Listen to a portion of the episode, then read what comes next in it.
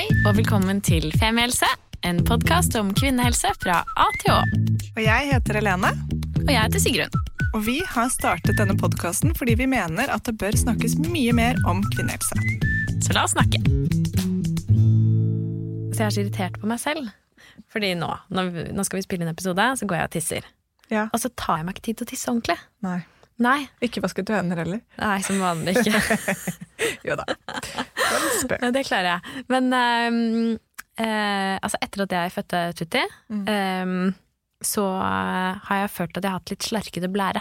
Ja. Fordi uh, den ble overstrukket under fødselen, og så måtte jeg ligge på barsel noen dager og katetrisert fordi den ble, var litt slapp i, slapp i fisken. Mm. Før den skjerpet seg etter noen dager. Men etter det så har jeg liksom følt sånn Å, jeg klarer liksom ikke Jeg får ikke tisset helt ordentlig. Jeg må veldig ofte, jeg må alltid stå opp sånn to ganger og tisse før jeg legger meg. Og ja, jeg er jo litt stress. Og så har jeg en eh, svigerinne som holder på å utdanne seg til å bli eh, Hva det heter Urolog? Eh, Nei, som heter eh, Nå ser jeg, ser jeg på gjesten som vi ikke har introdusert ennå. Men tisseterapeut. tisseterapeut Ja. Um, og hun er helt fantastisk, vi har snakket mye om dette. Hun bare sånn, ja, du må ta deg tid til å tisse ferdig, og hvis det er et problem, så må du gå og snakke med noen. Og det har jeg jo um, tenkt å gjøre. Men det bare nå, rett før vi skulle spille inn her, og så kjenner jeg sånn, å, jeg har egentlig ikke tisset ferdig. Mm. Og så reiser jeg meg fortsatt, tørker meg, vasker hender, går ut. Og så må jeg fortsatt litt tisse, og så tar jeg meg ikke tid til å gjøre det. Nei. Nei. Men hvis du nå hadde blitt sittende der inne, hvor lenge, hvor lenge kommer det mer? Eller er, dette, Ja, er det sånn i hodet? Ja, det kommer mer. Det kommer det mer. bare tar lang tid. Ja, for det er jo ofte en sånn eh, som eks-urinveisinfeksjoniker. Hadde Mm. jo veldig mye urinveisinfeksjon fram til jeg var i midten av 20-årene. Så um, kan jeg Den var jo veldig ofte at jeg hadde en følelse av å måtte tisse mer, og så var det ikke mer urin. Nei, det, er det. Det er bare Det at jeg må liksom virkelig gå inn i mindfulness og slappe av i bekkenbunnen, og, liksom, og så sånn, har jeg ikke tid. Ja. Jeg har ikke tid. Nei.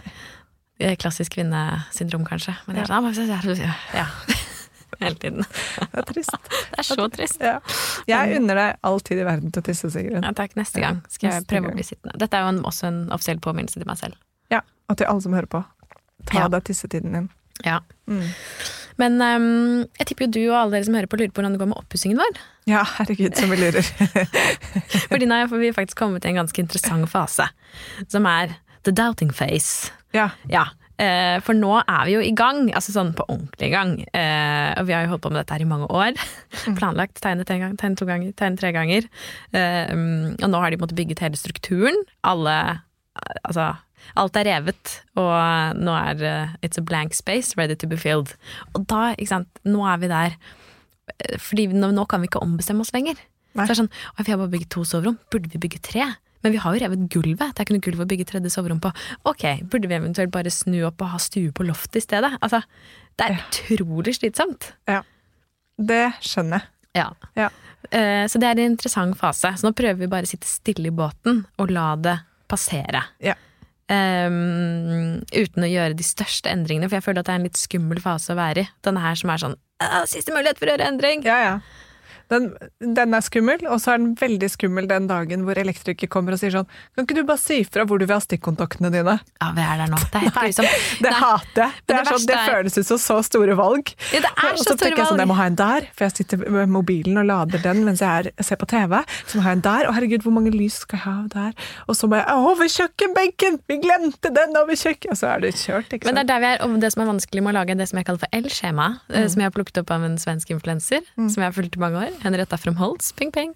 Men um, det er veldig vanskelig å sette opp stikkontakter når man ikke har vegger og tak. Ja. Det må jeg bare si. Der er Fordi, mitt, litt, eh, mitt motto. Eh, jo flere, jo bedre. Ja. Legg på et par ekstra. Ja, vi har kjørt på ganske mange. Ja. Og det som jeg ikke visste Jeg har lyst på, egentlig, har lyst på i mitt nye hus som jeg skal bygge en dag, er lister som bare består av Du mener som man har på kontoret? Ja, men langs alle kanter så er det bare stikkontakter. Jeg må aldri gå mer enn på en måte inntil veggen og lene meg ned. Smart. Du kan jo også se sette masse stikkontakter sånn til sånn skjult sånn man har i kontorpulter ofte. Ja, det skal jeg i spisebordet. Mm, det blir fint. Ja. Det blir kjempefint. Mm. Um, nei, men det jeg lærte av min far heldigvis i helgen, som jeg ikke vet, for jeg er jo ikke spesielt bygginteressert, egentlig. Jeg bare along for the ride. Er jo at man trenger ikke å bestemme hvor bryterne skal stå, for de er trådløse nå. Det er sant. Det var ny fakta for meg. Ja. Det har ikke elektrikeren fortalt, så jeg håper han vet det. Men er alle brytere trådløse? Eh, ja, det, eller tydeligvis så kan du trenger ikke å bestemme hvor de skal stå før de på en måte Du bare setter de opp der de skal være. Det er så rart. Ja, jeg vet. Er det fordi man har Det var jo blåtann, da. Men da må du ha lamper som jeg tror. Ja. Nei, vi kan ikke diskutere dette videre, merker jeg, for dette kommer ingen vei med. Hvis du er elektriker og vet, send oss en. DM på Instagram, så Ja. skal vi dele resultatet. Ok, ja, det var kort om mitt liv. Ja, ja, så fint. Jeg har eh, gjort et regnestykke i mitt liv nå, Ok. som jeg gjorde Hvor mye penger bruker du på boller i måneden? Det er mye. Ja. Men det er et regnestykke jeg ikke har brukt tid på, for det er bare å leve mitt beste bolleliv. Bra. Jeg. Men jeg fant ut at jeg jobber 70% Og jeg fortalte etter noen Jeg jobber 70% og så studerer jeg jo da halve torsdag, fredag, lørdag søndag. Så da studerer jeg 70% Bare, Shit, jeg gjør noe 140 Wow. Det var mye. Det er mye. Ja. Så i går lå jeg i sengen og gråt litt, fordi av og til ligger jeg og gråter. Mm. Og får ut følelser. For jeg hadde sett en veldig søt hund på gaten, og så fortalte jeg om det til kjæresten min, så begynte jeg å gråte. og da gråt jeg også veldig, fordi jeg ikke har noen frihelger. Og da, det kjente jeg at jeg måtte gråte for. Ja. Men så, Kanskje du kommer til å føre mer til å ha frihelger hvis du begynner å drikke igjen. For da kan, kan du på en måte studere hele dagen, så kan du være full hele kvelden og natten. ja. Og Og man fyllesyk da den pågående studiedagen, så den ikke tels helt. Eller da kjenner du sånn Nå har jeg hatt fri. Det er mer den følelsen. Mm. Så det kan du vurdere, da. Ja, nei, rett og slett mer rus inn i livet. Mm. For å skille på hverdag og rus. Ja. ja, men takk for tipset. Det er derfor man drikker så mye når man er student. Ja, det er faktisk sant. Mm. Og fordi man er Jeg vet ikke hva. Man orker det. Man orker. Ja, bra. Men det er ikke alltid man orker hvis Nei da. Jeg driver og jobber med smidde smidde overganger. Ja. Det er ikke alle som har endometriose og adenomyose som orker alt. Nei. Nei. Og hvorfor? Det skal vi finne ut av i dag. Ja. Ja. Og med oss for å snakke om dette er vi så heldige å ha Guri Majak. Velkommen til oss. Tusen takk. Det er veldig hyggelig å ha deg her.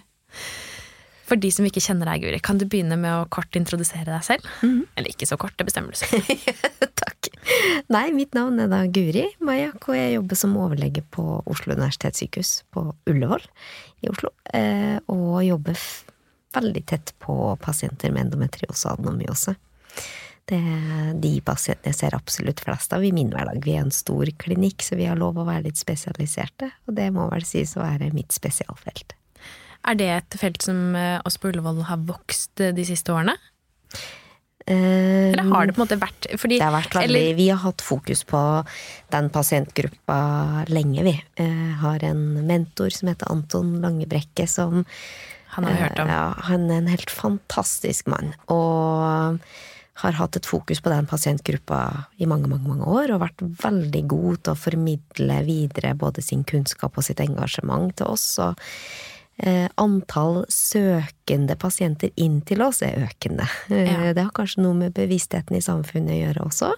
Men eh, vi har hatt lenge et fokus ja, på den pasientgruppa. Vi har doktorgrader pågående, har vi hatt i mange år nå. Mye forskning og fokus. Mm. Og da når antall pasienter som søker seg inn til dere er økende, så øker vel bevilgningene i takt også, gjør de ikke det? Nei, det? det er jo det de ikke Å nei, de gjør ikke det. Så vi stengte ned litt, for det har vært en pandemi og litt sånne ting. Så Mm. det eh, Vi skulle gjerne hatt eh, flere operasjonsstuer og flere leger og flere alt. Mer av alt. Ja, virkelig. Mer Mhm. av alt. Mer av alt. Mm. Mm. Ja. Vi kan ikke begynne den diskusjonen, kjenner jeg. Det bobler i meg. Ja, i meg mm. Vi får snakke Ja, det sånn Men vi gjør så godt, med de res så godt vi kan med de ressursene vi har. Ja. Så det som er fint, er jo at eh, både og her har jo nå tilbudt seg at vi kan bruke denne, dette podkaststudioet som operasjonsstue. Mm. Olav blir nå helsesykepleier. Det er oppgaveglidning, et nytt begrep Ja, i ja. helsevesenet. Så det kan vi Mangfold i arbeidslivet, ja, det er kjempefint. Eh, Men i dag skal vi snakke om endometriose og adenomyose. Ja. Skiller man fortsatt på de to diagnosene? Liksom, Absolutt. Med to forskjellige navn? Absolutt. Ja. Mm. Skal vi begynne på start? Hva er det for noe? Ja. Vi kan begynne med endometriosen. Um, endometriose er jo et for nesten, I går satt jeg tenkte jeg skulle ønske det hette migrene. Liksom. Et, et ord som var litt lettere å si for alle. Og jeg tror det er veldig mange som endo hæ, eh, ikke har hørt eh, ordet før. Men endometriose er da betegnelsen på vev som ligner på livmorslimhinna vår, men som befinner seg helt andre steder i kroppen. Oftest da i, i lille bekken, altså inn i magen vår, nær livmoren. Det er der man som regel finner dem. Det kan være på villveie overalt, til og med hjernen har vi hatt noen rapporter på, så det kan være overalt. Men hovedsakelig sitter det jo gjerne rundt tarm, urinblære, livmor, eggledere, eggstokker, da. Eh, og dette vevet skal jeg sikkert få lov å beskrive nærmere litt seinere, men forskjellen mellom endometriose og adenomyose er at adenomyosen sitter i selve livmoren. Der sitter denne, dette vevet på en måte dypere inn i muskulaturen i livmoren. Eh, Livmorslimhinna og muskulaturen er jo normalt sett helt atskilt. Og livmoren, som sikkert de fleste vet, er en sånn kjempemuskel. Tre lag med muskulatur som skal strekkes og selvfølgelig kunne gjøre at en fødsel av et stort barn er. Dette er en sånn svær muskel, og når det kommer betennelsesvev inn i den muskelen, kan man tenke seg at det vokser noe sånn inn i lårmuskelen eller i rumpa. Det gjør vondt. Men forskjellen er da egentlig stedet det ligger, og antakeligvis også litt hvordan det oppstår. Eh, men ja. Mm. Det gir gjerne like plager, da. Så adenomyose eh, de kan vokse ut i andre muskler? Ikke i, i andre muskler, nei. Nå Nei. ga jeg det litt som et eksempel på Å, ja, hvor sånn, vondt det kan Å, gjøre. ja, sånn, ja. Beklager hvis det var litt uklart. I rumpa. Nei, for da ble jeg helt sånn derre shit, wow. Ja, alle som går rundt med liksom Nei. uforklarlige hoftesmerter. vi begynner på nytt. Nei, nei. da. Eh, adenomyose er, hvis, du, hvis vi er ser for oss ja, Ja. Det er livmoren, og det er da på en måte når livmorslimhinnen har fått lov å komme forbi den naturlige barrieren sine inn i veggen. Altså, ja. Men Helene, du hadde nå et femihjelps aha-øyeblikk. Ja, ja. Ja, som vi ofte, fordi vi har hatt uh, Guri skjønner du, i løpet av denne podkasten her, så har vi liksom fått veldig sånn Å, det er det jeg har! Ja. Og jeg skjønte at jeg hadde vel i Ny for noen år siden, og Helene at hun kanskje har PSOS. Og du har jo hatt en vond hofte i mange år. Ja. Det var der det var adenomyose. Så det ble Ok! Ikke rart ingen finner ut av dette, se. fantastisk. Herregud, og så er det sikkert bare emosjonelt, vet du, ikke sant. Men nei da, nå håpet jeg at det var adenomyose. Endometriosen kan befinne seg overalt. da. Ja, ikke sant. Men hva Fordi dette vevet. Hvor kommer det fra? Å nei, det skulle jeg jo ønske jeg kunne sagt Ja. eh, da. Eh, det kan jeg jo ikke. Eh, fordi det, det vet vi jo ikke helt. Eh, teorien har stått i snart 100 år på at dette skyldes eh, blødning, på en måte. Egglederne våre som sånne åpne rør som er knytta på livmoren. At når man blør ut i skjeden med mens, så blør man bakover også. Og så blør man ut gjennom disse røra, da, så det kommer blod inn i magen. Det gjør det nesten på alle. Og det er jo ikke alle som har endometriose. Men det var liksom teorien, at når man blør disse cellene bak, så kommer de inn i magen, så får det lov å feste seg, og så blir det endometriose. Så vet vi jo nå at sykdommen har jo en mye mer komplekst utgangspunkt enn bare det. Normalt sett, hvis du ikke har endometriose, så vil eh, fremmede celler som føres bakover ved mens, eksempel, renses opp av immunsystemet ditt, eh, og ikke få grobunn i det hele tatt, vil ikke lage noe arv eller ingenting. Mens når du har endometriose, så har du ofte noen endringer i din immunologi. Altså immunsystemet ditt er litt på en eh, snurr, og gjør ikke jobben sin. Og skaper heller en mye mer hissig inflammatorisk reaksjon enn den der rolige rensemekanismen som man skulle hatt. Og så er det jo det med genetikk, da. At uh, man vet at det er en stor genetisk komponent i, hos de som får endometriose. Det er arvelighet. Uh, mor, datter, søsken. Ingenting som er 100% men en stor arvelig komponent. Og den arven, genetikken, går jo mye på gener som eh, bidrar til å lage hormonreseptorer, blant annet. Så det, når de genene skrus på, så får det endometriosevevet, som nå har fått lov å liksom danne seg fordi immunsystemet ikke har rydda opp i disse cellene, cellene som ikke skal være der, det får lov å eh, da få noen eh, reseptorer det ikke egentlig skulle hatt, og så øker det da hormonsensitiviteten sin, særlig for østrogen, for å blomstre. Så det er et ekstremt fascinerende vev, eh, og vi ser også at eh, det kan dannes endometriosevev med utgangspunkt i f.eks. eggstokkvev. Det er det vi kaller metaplasi på medisinsk, da. Det er mange måter man kan se for seg at eh, endometriosen oppstår på, men en komponent av annen immunologi, genetikk, og noe med miljøet inne i bukuren, som regel, da, som årsak. Så er det så rett og slett celler som løper løpsk, men man vet ikke helt hvor de kommer fra?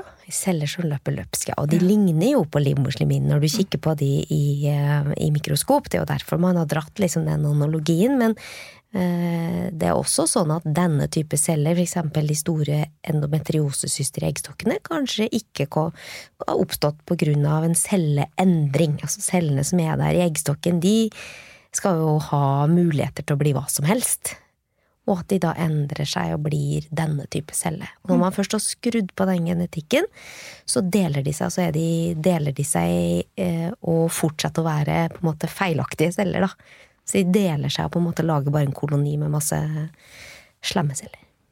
Mm. Nesten som kreft? Det ligner veldig på kreft, det deler veldig mye genetikk med kreft. Eh, og oppfører seg som kreft med tanke på at det lages en ny blodforsyning, det lager sine egne hormoner, det nedregulerer reseptorene for progesteron, som er veldig dempende for endometriose. Oppregulerer østrogenproduksjonen sin, skal helst ha den mest potente varianten av østrogen som fins, som heter østradiol, og den lager nye nerver. Og lager mye vondt. Det er en monstersykdom. Masse inflammasjon. Ja. Betennelse. Ja. Mm. Ja, for nå sa du vondt, og det leder meg jo litt over til neste spørsmål. Hva er symptomene, de klassiske symptomene på disse to er det, Kaller vi det sykdommer? Ja. Ja. Eh, endometriosen er jo som du sier eh, vondt dyss, kaller vi det på, på um, smerte. Eh, på medisinsk så blir det dysmenoré, altså du har vondt når du har mensen. Dyskesi, du har vondt når du går på do og har avføring. Dysuri, du har vondt når du går og tisser, eller hyppig følelse at du tisser veldig ofte. Eh, at du ikke får tømt blæra ordentlig. Det ikke fungerer som det skal. Dysparuni heter det når det er vondt å ha samleie. Det er det dype støtet, ikke liksom skjedeinngangen, men de dype støta inn mot det betente vevet inni magen, som gjør vondt. Så det er en smertesykdom. Adenomyosen er kanskje mer relatert til kraftige blødninger. Endometriosen trenger ikke å ha noe med blødningsmengden å gjøre. Nei. Men adenomyose er også absolutt dysmenoré, dysparoni, altså alle disse smerte, smertetilstandene. Så de ligner veldig i sykdoms- eller i symptomtrykk, og så henger de jo ofte sammen. Det er jo mange som har begge deler, da. Ja, ikke sant, for det er det. Ja, mange har begge deler. Mm. Um, det er også ganske interessant. For, hvor, fordi hvorfor kan noen bare få det ene og noen få det andre? Er det bare spredningen, eller er det For det er jo to forskjellige ting. Mm, det er to forskjellige ting. Og så er det sånn at noen ganger så er det endometriosen som er så hissig at den liksom har gravd seg litt inn i livmoren. Da er det jo ikke egentlig adenomyose, det er endometriosen. Og noen ganger er adenomyosen så hissig at den vokser seg innover og fester seg til tarmen og eggstokken og sånn. Da er det ikke endometriosen, men adenomyosen. Så det går an å skille de til en stor grad, og noen har veldig en hovedkomponent av den ene og mindre komponent av den andre. Men det er en veldig, det vi kaller en heterogen sykdom. Det vil si en sykdom som arter seg veldig forskjellig fra kvinne til kvinne, både sånn som vi ser den på ultralyd og med det blotte øyet, og hvordan den gir seg uttrykk, da, sånn symptommessig. For kan man ha litt endometriose? Ja. Ikke sant? At, liksom, hvis noen sitter og hører på og kjenner seg igjen, å ja, men det gjør litt vondt sånn og sånn, eller jeg kjenner meg altså, altså, Man kan ha det litt. Det er veldig forskjellig Ja. eh, hvor utbredt liksom de anatomiske forandringene er, ja. Mm. Mm. Og kan man ha det litt uten at det utvikler seg? Eller er det for alle en utviklende sykdom? For å gjøre det sånn kjempekomplisert, da, så kan man ha mye endometriose og veldig lite plager. Ja. Man kan ha lite synlig endometriose og veldig mye plager. Og så er det stort sett en progredierende sykdom, men ikke for alle. Ok. Det er kjempeenkelt å Så så til. kloke ble vi nå! writing it down. Ja, ja, ja. Litt. Mye. Ja.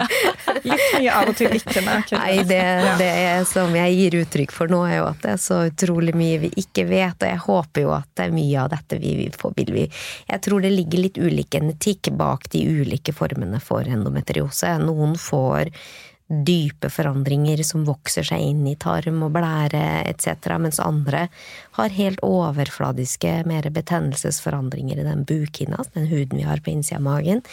Så et, og noen får store, store syster fylt med blod på eggstokkene sine. Så jeg tror vi har med Jeg tror kanskje at vi kanskje i framtiden vil vi snakke om ulike tilstander, ulike sykdommer, fordi de har ulik genetikk og ulikt forløp og ulike konsekvenser.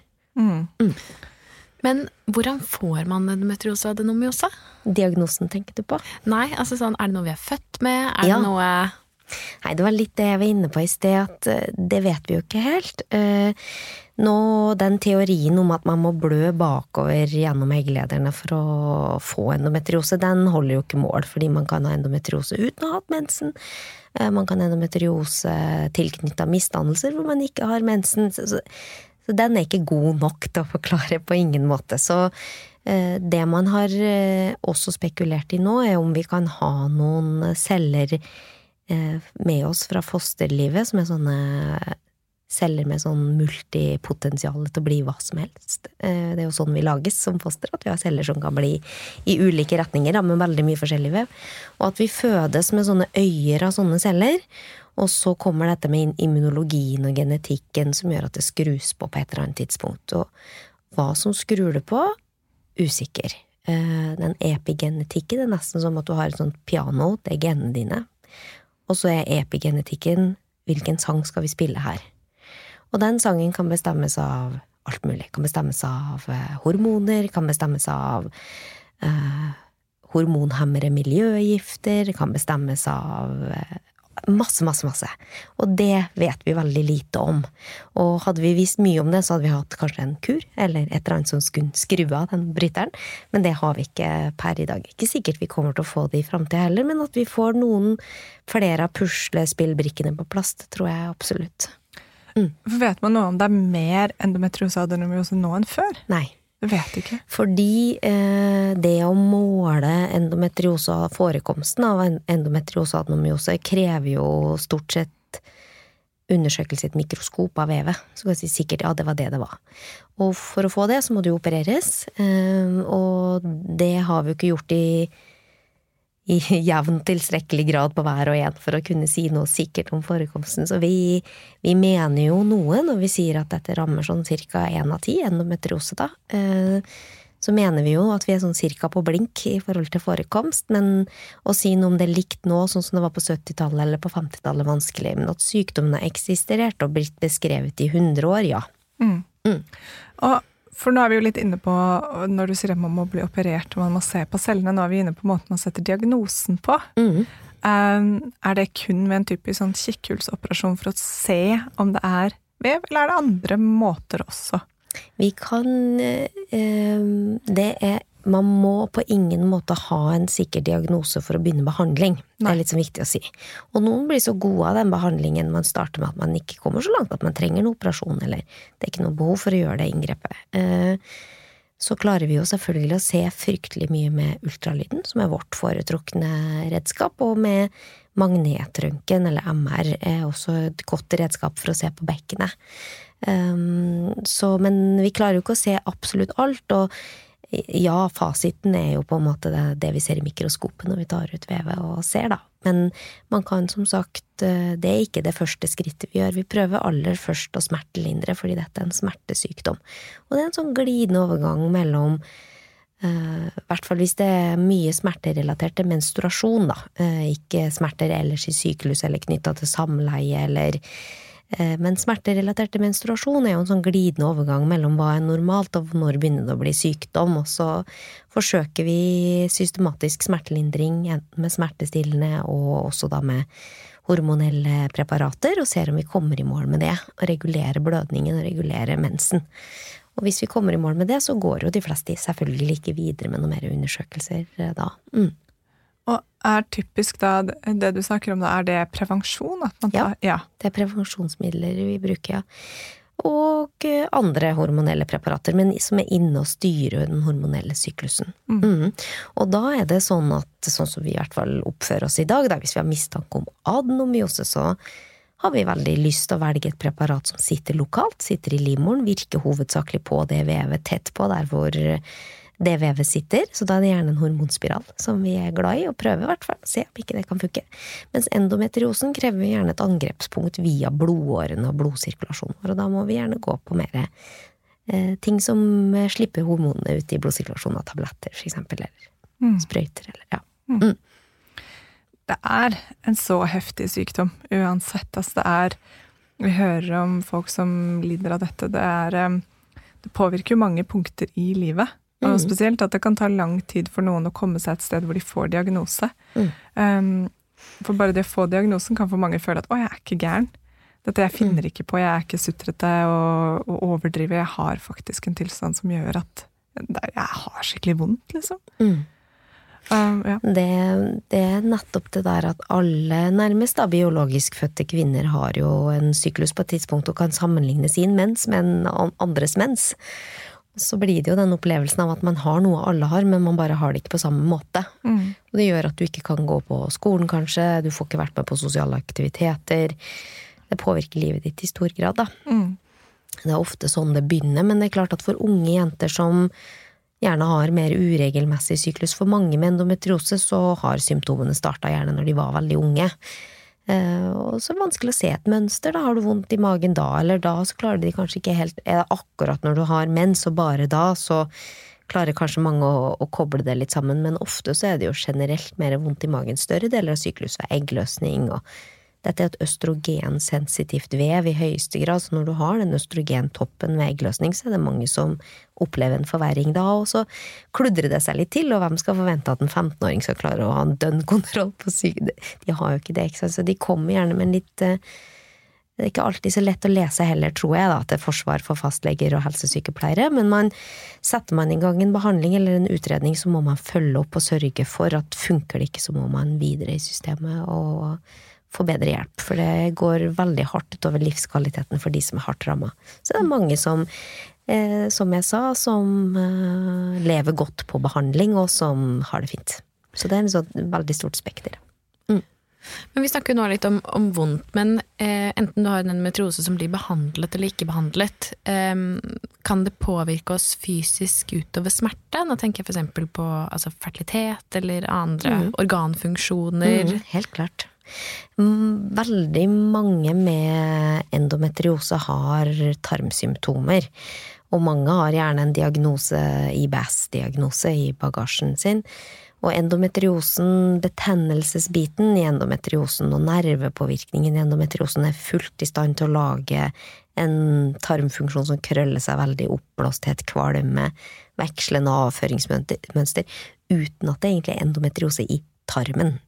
Men noen har også det, eh, og noen har så store knuter i tarmløpet at passasjen blir hindra, at de rett og slett kan ha en stor risiko for tarmslyng. Noen har knuter som sitter på urinlederen, som gjør at nyren ikke får tømt seg og blåser seg opp full av urin og kan ødelegges eh, av det. Eh, Så det er absolutt mulighet for vevsødeleggelse, ja, og også ødeleggelse av eh, alle de fine strukturene vi skal ha når vi skal bli gravide, da. Og én ting er liksom at det kan bli arrdannelser og sammenvoksninger som gjør at ting ikke fungerer, og at disse egglederne som jeg snakka om, som har sånne fint fangapparat i enden, de skal ha sånne lange fingre, fange opp det befrukta egget inn i buken, og så er det sånne kontraksjoner, bølgebevegelser, som liksom fører det befrukta egget inn igjen i livmoren hvor det skal feste seg. Hvis de er stive av betennelse og står sånne, sånne stokker og ikke får fanga opp og ikke får gjort jobben sin, så, så blir man ikke gravid så lett. Eh, Og 40% av de som er under behandling for ufrivillig barnløshet i undersøkelser, har man jo etter hvert funnet ut har endometriose i ulik grad, da. Eh, Det vil ikke si at 40% av de med endometriose ikke blir gravide, så man må ikke snu de tallene, men det blant de som er ufrivillig barnløse, så er det en stor andel som har, ender opp med diagnosen endometriose. Og da er det sånn at ja, de har også gode resultater på IVF-behandling, sånn som andre. Eh, Og de eggene man henter ut av eggstokker med blodsyster og diverse, de er like fine egg, blir like fine barn, deler seg like fint. Så, så, så det er ikke noe sånn kroken på døra av den grunn. Men har man endometriose og strever med å bli gravid når man ønsker å bli gravid, så um, skal man ikke være så treig til å søke hjelp. Da må man få hjelp. Og da kan hjelpen både være operasjon for å fjerne arrvev, Mm. og få bort informasjonsbetennelsen betennelsen, for en periode. Riktig. Ja, det vet vi at øker sannsynligheten for at du blir spontant gravid da i etterkant. Mm. Mens når det gjelder den IVF-behandlingen, som er veldig sånn avansert eh, Eh, fruktbarhetsbehandling, der er det ikke så farlig om man er operert i forkant eller ikke i forhold til resultatet. Nei. Mm. Men så, så, så ville du anbefalt noen som skulle sette i gang å ta operasjon først og så IVF, eller prøve IVF først og så operasjon? Det er en veldig fin dialog å ha ut fra akkurat den sykdommen og den tilstanden du har som pasient, med Ja. doktoren. Mm. For der velger vi veldig gjerne uh, helt eh, Det, det blir som vi er som noen slags skreddere, da, som skal sitte og skreddersy en behandling som passer akkurat deg. For dette er som sagt en sykdom som arter seg så forskjellig, så man må nesten se hver enkelt. Så det er ikke noen sånn fasit. Men eh, har man mye endometrioseplager, har man mye forandringer, så vet vi at eh, Og du ønsker egentlig å bli gravid, så vet vi at ja, det er et godt tidspunkt å bli gravid like etter operasjon. Og Da er du inne på det med graviditet. For hvordan påvirker Jeg har hørt sånn Ja, men da burde du bli gravid. Fordi at det hjelper sånn. Hvordan påvirker egentlig en graviditet endometriose og adenomyose? Ja, kjempegodt spørsmål.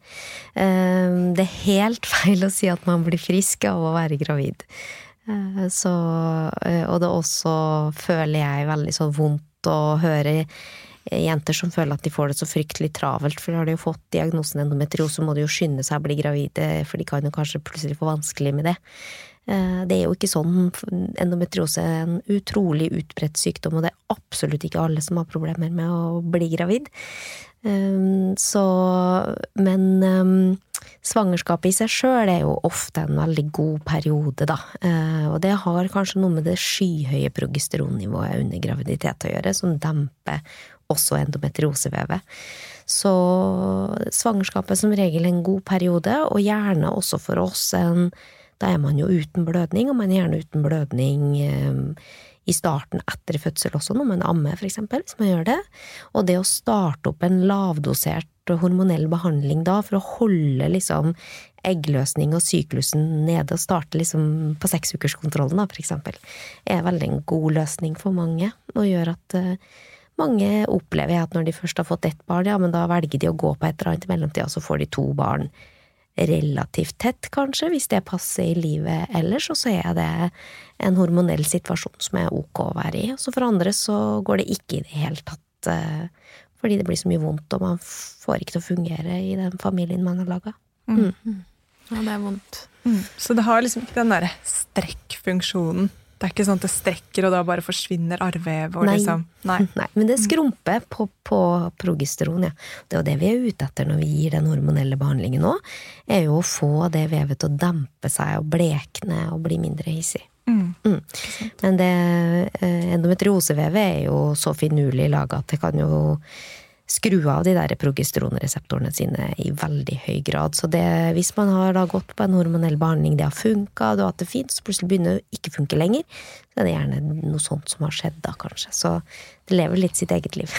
Også etter overgangsalderen. Ja. Ja, fordi det var mitt spørsmål. Sånn, du sier jo at, eh, eller sa i stad, at eh, disse sykdommene ofte er noe som eh, utvikler seg eh, over tid. Hva skjer når vi kommer i overgangsalder? Mm -hmm. Fortsetter det å utvikle seg da, eller? De fleste blir jo De fleste blir betydelig bedre eh, i overgangsalderen, sånn smertemessig. Men eh, vi lager mye østrogen i fettvevet vårt. Det er liksom vårt andre reservoar i forhold til å lage østrogen. Eh, Da lager vi en mindre potent variant som heter estron, men likevel vi er i stand til å fòre dette endometriosevevet vårt også etter overgangsalder. Og ikke minst har du laga veldig mye sammenvoksninger og trøbbel i magen når du var yngre, så ligger jo de, de blir ikke borte. Så plagene kan helt fint fortsette. Så sånn som vi opplever det, så er det klart en stor sannsynlighet Vi har ikke veldig mange pasienter som er etter overgangsalder, men de som har plager som tilsvarer endometriose selv, uansett hvilken alder det er i, de må tas på alvor. Ja. Ja. Ikke sant? For det, det er ikke sånn at det ikke kan skje. Nei. Nei. Men det blir bedre for mange. Ja, absolutt de aller fleste. Mm. Ja, Og det har jo med at det er et hormonelt vev. Mm. nettopp. Og i noen tilfeller så har jeg også hørt at det å rett og slett operere bort livmor eller eggstokker kan Altså, er det et alternativ i det hele tatt? For som adenomyose så er jo livmor en kur. Fjerne livmoren en kur. Ja. Da tar man bort problemet. mm. Eh, og det vil alltid være veldig vanskelig for oss i mange tilfeller å si helt, særlig med adenomyosen, nøyaktig hvor stor rolle de forandringene vi ser, har i smertebildet for pasienten, særlig hvis det er unge pasienter, og det å fjerne livmor er et veldig absolutt valg. Men, men det vil der hvor det er adenomyose som er problemet, så vil det å fjerne livmoren fjerne problemet i stor grad, ja. Mm. Det å fjerne eggstokker gjør vi nesten aldri. Eh, det vil jo si å kastrere. Eh, det kan vi gjøre kjemisk, med medisiner, og se om det funker. Vi fjerner veldig syke eggstokker, og det har noe med at den er eneste liksom økte kreftrisikoen endometriosepasienter har, er for eggstokkreft i store sånne syster med blod. Så, så, der følger vi med, og er eggstokkene veldig syke og nærmest uten funksjon og gir mye plager, så kan vi absolutt i diskusjon med pasienten bli enige om å gjerne fjerne den ene. De er ofte veldig sideulik sykdom, så noen har det veldig mye på venstre eller høyre side, men den andre sida er relativt ok. Og man klarer seg ganske godt med bare én eggstokk, da. Men vi kastrerer ikke som behandling sånn kirurgisk, nei. Hm. Fascinerende. Nettopp det med hver sin side. Det ble jeg sånn sittende og tenke mm. veldig hardt på. Men um, mm. ja. Um, vi har ikke snakket så mye om det, fordi dette er jo tydelig da påvirker eh, hormonbildet og reseptorene. Og hvordan kan det da påvirke psyken? For én ting er jo at man kan bli selvfølgelig veldig nedkjørt av å ha mye vondt eh, og ha eh, problemer med fertilitet, men påvirker det også direkte syk, altså psyken vår? Mm. Eh, de genene som er relatert til endometriose, er også gener som blant annet er sett i relasjon til angst og depresjon. Så det er en økt forekomst av det også hos pasienter med endometriose, ja. Mm. Mm. Så det, skjer det jo Hjernen er jo en sånn plastisk eh, ting som forandrer seg veldig i forhold til hvordan vi har det og hvor vi er i livet og sånn. Så å leve med kronisk smerte skaper jo noen helt klare forandringer oppi hjernen også, hvor man blir mye mer sensitiv for helt normale stimuli. Så har du en sånn situasjon i, med en, med en sentral smertesensitivering, som vi kaller det, da, når du har gått rundt og hatt så vondt så lenge at signalene opp til hjernen har laga det, har laga nye Det har liksom kanskje vært en sånn liten skogsti først, og så har det blitt en liten sånn vei. Og så nå snakker vi motorveien, liksom. Inn til hjernen og smertesenteret hjernen. Uten hjernen hadde vi ikke hatt vondt. Så vi, uten, så jo, den, den, er jo en sentral del i vår opplevelse av smerte. Eh, og, og, der vil, kan selv bare det å være normalt oppblåst i tarmen oppleves kjempevondt, fordi det fyrer og fyrer og fyrer for den minste ting, liksom. Som, skjer. Og så er de signalene som skal til for å dempe smerte, smerte de blir mer borte. Det har man sett på sånne fine røntgenundersøkelser av hjernen hvor man ser at det ikke lyser opp på samme måte som de som ikke har endometriose og kronisk vondt. Så det skjer endringer i hjernen hvis man har, går og har kronisk vondt over lang tid. Absolutt. Det er jo, Jeg har nevnt den mange ganger før, men den IBS-forskningen som har gitt mest sånn resonans hos meg, hvor de hadde testet to ulike grupper med Eh, hvor de puttet sånn ballonger opp i tarmen mm. og blåste opp. Og hos mm. de som ikke hadde hatt mye vondt i magen, altså IBS, da, så var det sånn ah, 'føler meg litt oppblåst, men det går bra'. Mens de som hadde hatt mye vondt i magen i IBS, bare følte det som sånn kniver i magen. Ja. Og det er sånn jeg kan kjenne meg igjen i at jeg får veldig fort vondt, selv om det ikke er noe. Mm. Um, fordi jeg har hatt mye vondt i magen de siste 15 årene. Mm. Og det var jo, Vi hadde jo Tina Tellum på besøk, som også elsket liksom, når den tyskeren henne slo til. Hun sa sånn 'autobahn'! En autobahn med smerte! Og det var bare sånn Ja! Hun snakket kanskje ikke så hard dialekt, men uansett, jeg bare elsket den autobanen. Har sånn sittet fast. og det det som er viktig med det, tenker jeg, er å få frem at man blir ikke det er ikke det at man blir liksom, at man tåler mindre, men at nervene rett og slett jobber mot oss. da. Ja. Og at hjernen jobber mot oss på det. Og det som endometriosen eh, lager jo masse, som jeg sa, mye nye nerve, nerver. Eh, og det er jo det som gjør den så vond. Eh, den lager mye nye sensoriske nerver, altså smertenerver. Og så lager den også autonome nerver, altså det som går på det autonome nervesystemet vårt. Og da, selvfølgelig, velger den jo ikke parasympaticus, som er sånn rest and digest, den velger jo sympatiske nervefibre stort sett, da. Så det er en eh, eh, veldig sånn fascinerende studie på, på, mus, selvfølgelig, da, men hvor man har implantert endometriosevev i mus. Eh, på mennesker så klarer man å lese dette på hjerte, hjertefrekvensvariabiliteten, at det er høy sympatikusaktivering hos de med endometriose, naturlig nok. Men så har man gått videre på mus, da, og så har man gått og sett på vagus, eh, den store nerven som har med parasympatikus å gjøre. Og der, der hvor man har kutta vagus, så har denne endometrioselesjonen fått lov å blomstre. Der hvor man aktiverer vagus, som vi kan gjøre med pust og annen aktivitet, så dempes da endometrioselesjonen. Så alt henger jo sammen. Hodet og kroppen og ja. Som jeg har nevnt tidligere, det med mikrobiomet vårt. Vi har jo ikke bare mikrobiom i tarmen, vi har det jo i skjeden, og vi har det i livmoren, og vi har det antageligvis inni magen også. Det er liksom en helt sammensatt verden, da. Mm. Mm. Og det er jo også noe vi har snakket om i mange forskjellige episoder med mange forskjellige kvinner.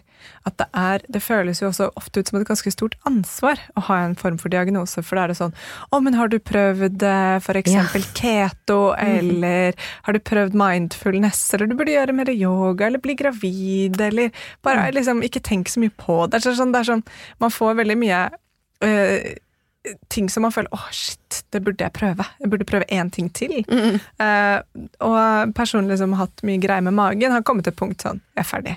Yeah. Nå er jeg ferdig. Nå yeah. lever jeg så sunt som jeg kan, men jeg er ferdig snakka. Med at liksom, jeg orker ikke enda en sånn kur eller detox eller noe sånt. Fordi det og det blir... tror jeg er kjempeviktig, mm. fordi når man er, har mye smerte og mye plager, så har man gjerne et litt sånn restriktivt liv fra før. Så hvis man pålegger seg sjøl nye og nye og nye restriksjoner i håp om at man kan ikke spise det, eller ikke drikke det, eller ikke være oppe etter det og det klokka på natta, eller man kan, altså at man får veldig mye begrensninger i livet uten at det kanskje egentlig funker, det er trist. Så det må man være på vakt eh, for, både når man omgås folk og som helsepersonell, selvfølgelig. Mm, hva man gir av råd, det er godt basert på hva vi vet. Ja, fordi mm. selvfølgelig, hvis det funker for noen å spise mye mindre sukker og eh, liksom meditere hver dag, supert, men det er ikke Det kommer jo aldri noen av disse tingene til å være noe som løser det helt. Nei, men det handler om å leve med Altså, det å få riktig behandling er ekstremt viktig for å få så god funksjon som mulig. Så der er vi nøkkelpersoner i helsevesenet. Det skal være en god og eh, vei inn til liksom å få den riktige behandlingen for deg, og den er kanskje riktig i noen år på den måten, og så kan den kanskje endres og bli annerledes igjen hvis den ikke funker lenger, etc. Det er jo, dette er jo en ganske langt, eh, langt lerret man skal gå sammen. Men det å leve med en kronisk tilstand, det er noe man må finne måter å mestre på også. Og, og der tror jeg at vi kanskje hadde vunnet om mye om vi hadde satt inn eh, bevissthet og rundt mestringsstrategier mye tidligere, og at færre hadde endt opp i en kronisk smertesituasjon. For som vi har snakka om denne autobanen, da, den er jo vanskeligere å snu. Mm. Selvfølgelig. Når du har kommet dit, og så blir man litt sånn oppgitt, for da skal man begynne å snakke om yoga og mindfulness, for da har man liksom gitt opp på alle andre fronter, og da får man jo også en litt så feil inngangsport til hvorfor det kan være viktig da, å ha mestringsstrategier og styrkekilder i livet ditt som gjør at du klarer å leve med denne kroniske tilstanden, som helt sikkert er ok noen dager, absolutt ikke ok andre dager, og at det er en slags flyt med livet, da. Mm. Mm. Sånn, jeg går jo til psykolog annenhver uke og koser meg veldig med det, og tenker at det er jo ikke fordi jeg blir frisk fysisk. Altså, nå er jeg heldig, jeg er ikke veldig syk, altså, men litt sånn issues her og der. Og, men jeg går ikke dit fordi jeg tenker at det kurerer det. Jeg går dit fordi det er et sted å ventilere og kanskje ta ut noen av toppene. Støtte, ikke sant. Mm. Så det er jo også de der båsene for hva er det behandlingen gjør. Ikke sant? En hormonell behandling kanskje faktisk stopper syklusen, gjør at du ikke blør, at det er mindre vondt, smertestillende gjør dette, osv. Men at man trenger noe støtte, noe å holde seg fast i, noe som man vet at roer ned nervesystemet, mm. noe som gjør at man føler seg trygg. Eh, oksytocin kan flyte litt, liksom mm. alle disse tingene. Det er jo det og det er kanskje det som er når man, hvis man får det rådet, gjør yoga, så er det sånn hvorfor det? Ja, nettopp. Det det... Fordi, du kommer ikke til å bli frisk av endometriosen eller adenomyosen, men det kan være fint for deg å kjenne at du liksom får lov til å bare slappe av litt. Mm. I don't know. Ja, jeg er helt enig, og det føler jeg veldig sterkt at det er vårt ansvar når vi skal gi anbefalinger, er å gi dem med et hvorfor. Og vise at vi kan desifrere deschiffrere det vi tilbyr, ned på et sånt eh, jo, du skal gjerne stimulere vagusnerven din, men hvorfor? Jo, fordi vi tror du har en overvekst av sympatikus i kroppen din. Eh, Rett og slett fordi dette vevet liker å lage den type nerver, og det er de vi må mot, motarbeide, for eksempel. Eh, Så, så vi, vi må på en måte grave så dypt at vi kan forklare for pasientene våre hvorfor vi tilbyr ting når vi tilbyr det. Men apropos forklaring, før vi begynner å avslutte. Eh, vet du, Guri, om det pågår det noe forskning på dette feltet nå, som eh, Ja, vi kan glede oss til? Ja, og jeg, og jeg ble så glad, fordi at uh, det er jo stadig uh, i min verden, da, jeg lever jo en litt eh, avsondret endometrioseverden, men der er det jo stadig vekk noen store kongresser, og, og endometriose er jo et hett tema i gynekologien. Så, og, og nå ser jeg at det dukker opp mye mer rundt genetikk. Eh, og epigenetikk, det er mye snakk om det med miljøgifter, som vi har nevnt så vidt, og hormonhemmere som vi omgås. Det er mye snakk om mikrobiome og hjerne-tarmaksen, hvordan det spiller inn i forhold til endometriosen. Så jeg tror vi er i ferd nå med å få en mye mer sånn helhetsforståelse av sykdommen. Eh, og før vi klarer å liksom skjønne eh, mer detaljert hva som skjer, så det er jo det som gjør at vi får nye behandlingsmetoder. Vi må skjønne mer. Og da kan vi angripe sykdommen på nye måter, sånn som nå, ikke sant, hvor vi har eh, hormonell behandling som gjør at du ikke blir gravid når du går på behandlingen. Du må slutte på behandlingen din for å bli gravid. Det er jo ugunstig. Skulle gjerne hatt noen flere knagger å angripe også. Eh, Og der vet vi jo blant annet eh, at det er mange andre typer reseptorer i dette vevet og, ikke sant. Migrene er jo en kronisk sykdom som er dominerende hos kvinner. Hvor man har en medisin som heter CGRP-hammer. Det er et sånt eh, kalsitonin genrelatert peptid, kalles det. Men den fins jo i endometriosen òg. Den har med, med dilatasjon av eh, blodkar å gjøre. Så Altså utviding. ja. Ja. Mhm. Så det å finne eh, ulike mekanismer hvor endometriosen klarer å lage inflammasjonen sin og trigge smerten, som man kan angripe, gir oss jo et større arsenal da, på, på, på behandlingsmetoder. Så jeg tror har, jeg er vi optimist, da, men jeg tror absolutt at vi er på vei mot noe mye mer helhetlig og eh, mye større forståelse for eh, begge sykdommer eh, i kort framtid, ja.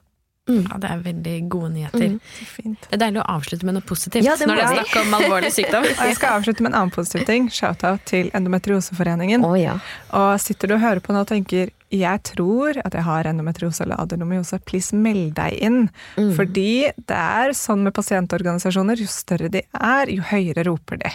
Så meld dere inn, og følg dem på Instagram, og bare fight for your right. De har altså gjort en så vanvittig jobb de siste åra. Ja, det må ja, jeg virkelig. si. Og, og sammen med veldig modige jenter og kvinner som har stått fram med sine historier og fortalt hvordan opplevelsen av å ikke få god nok hjelp i tide, har jo, hva det har gjort med deres liv.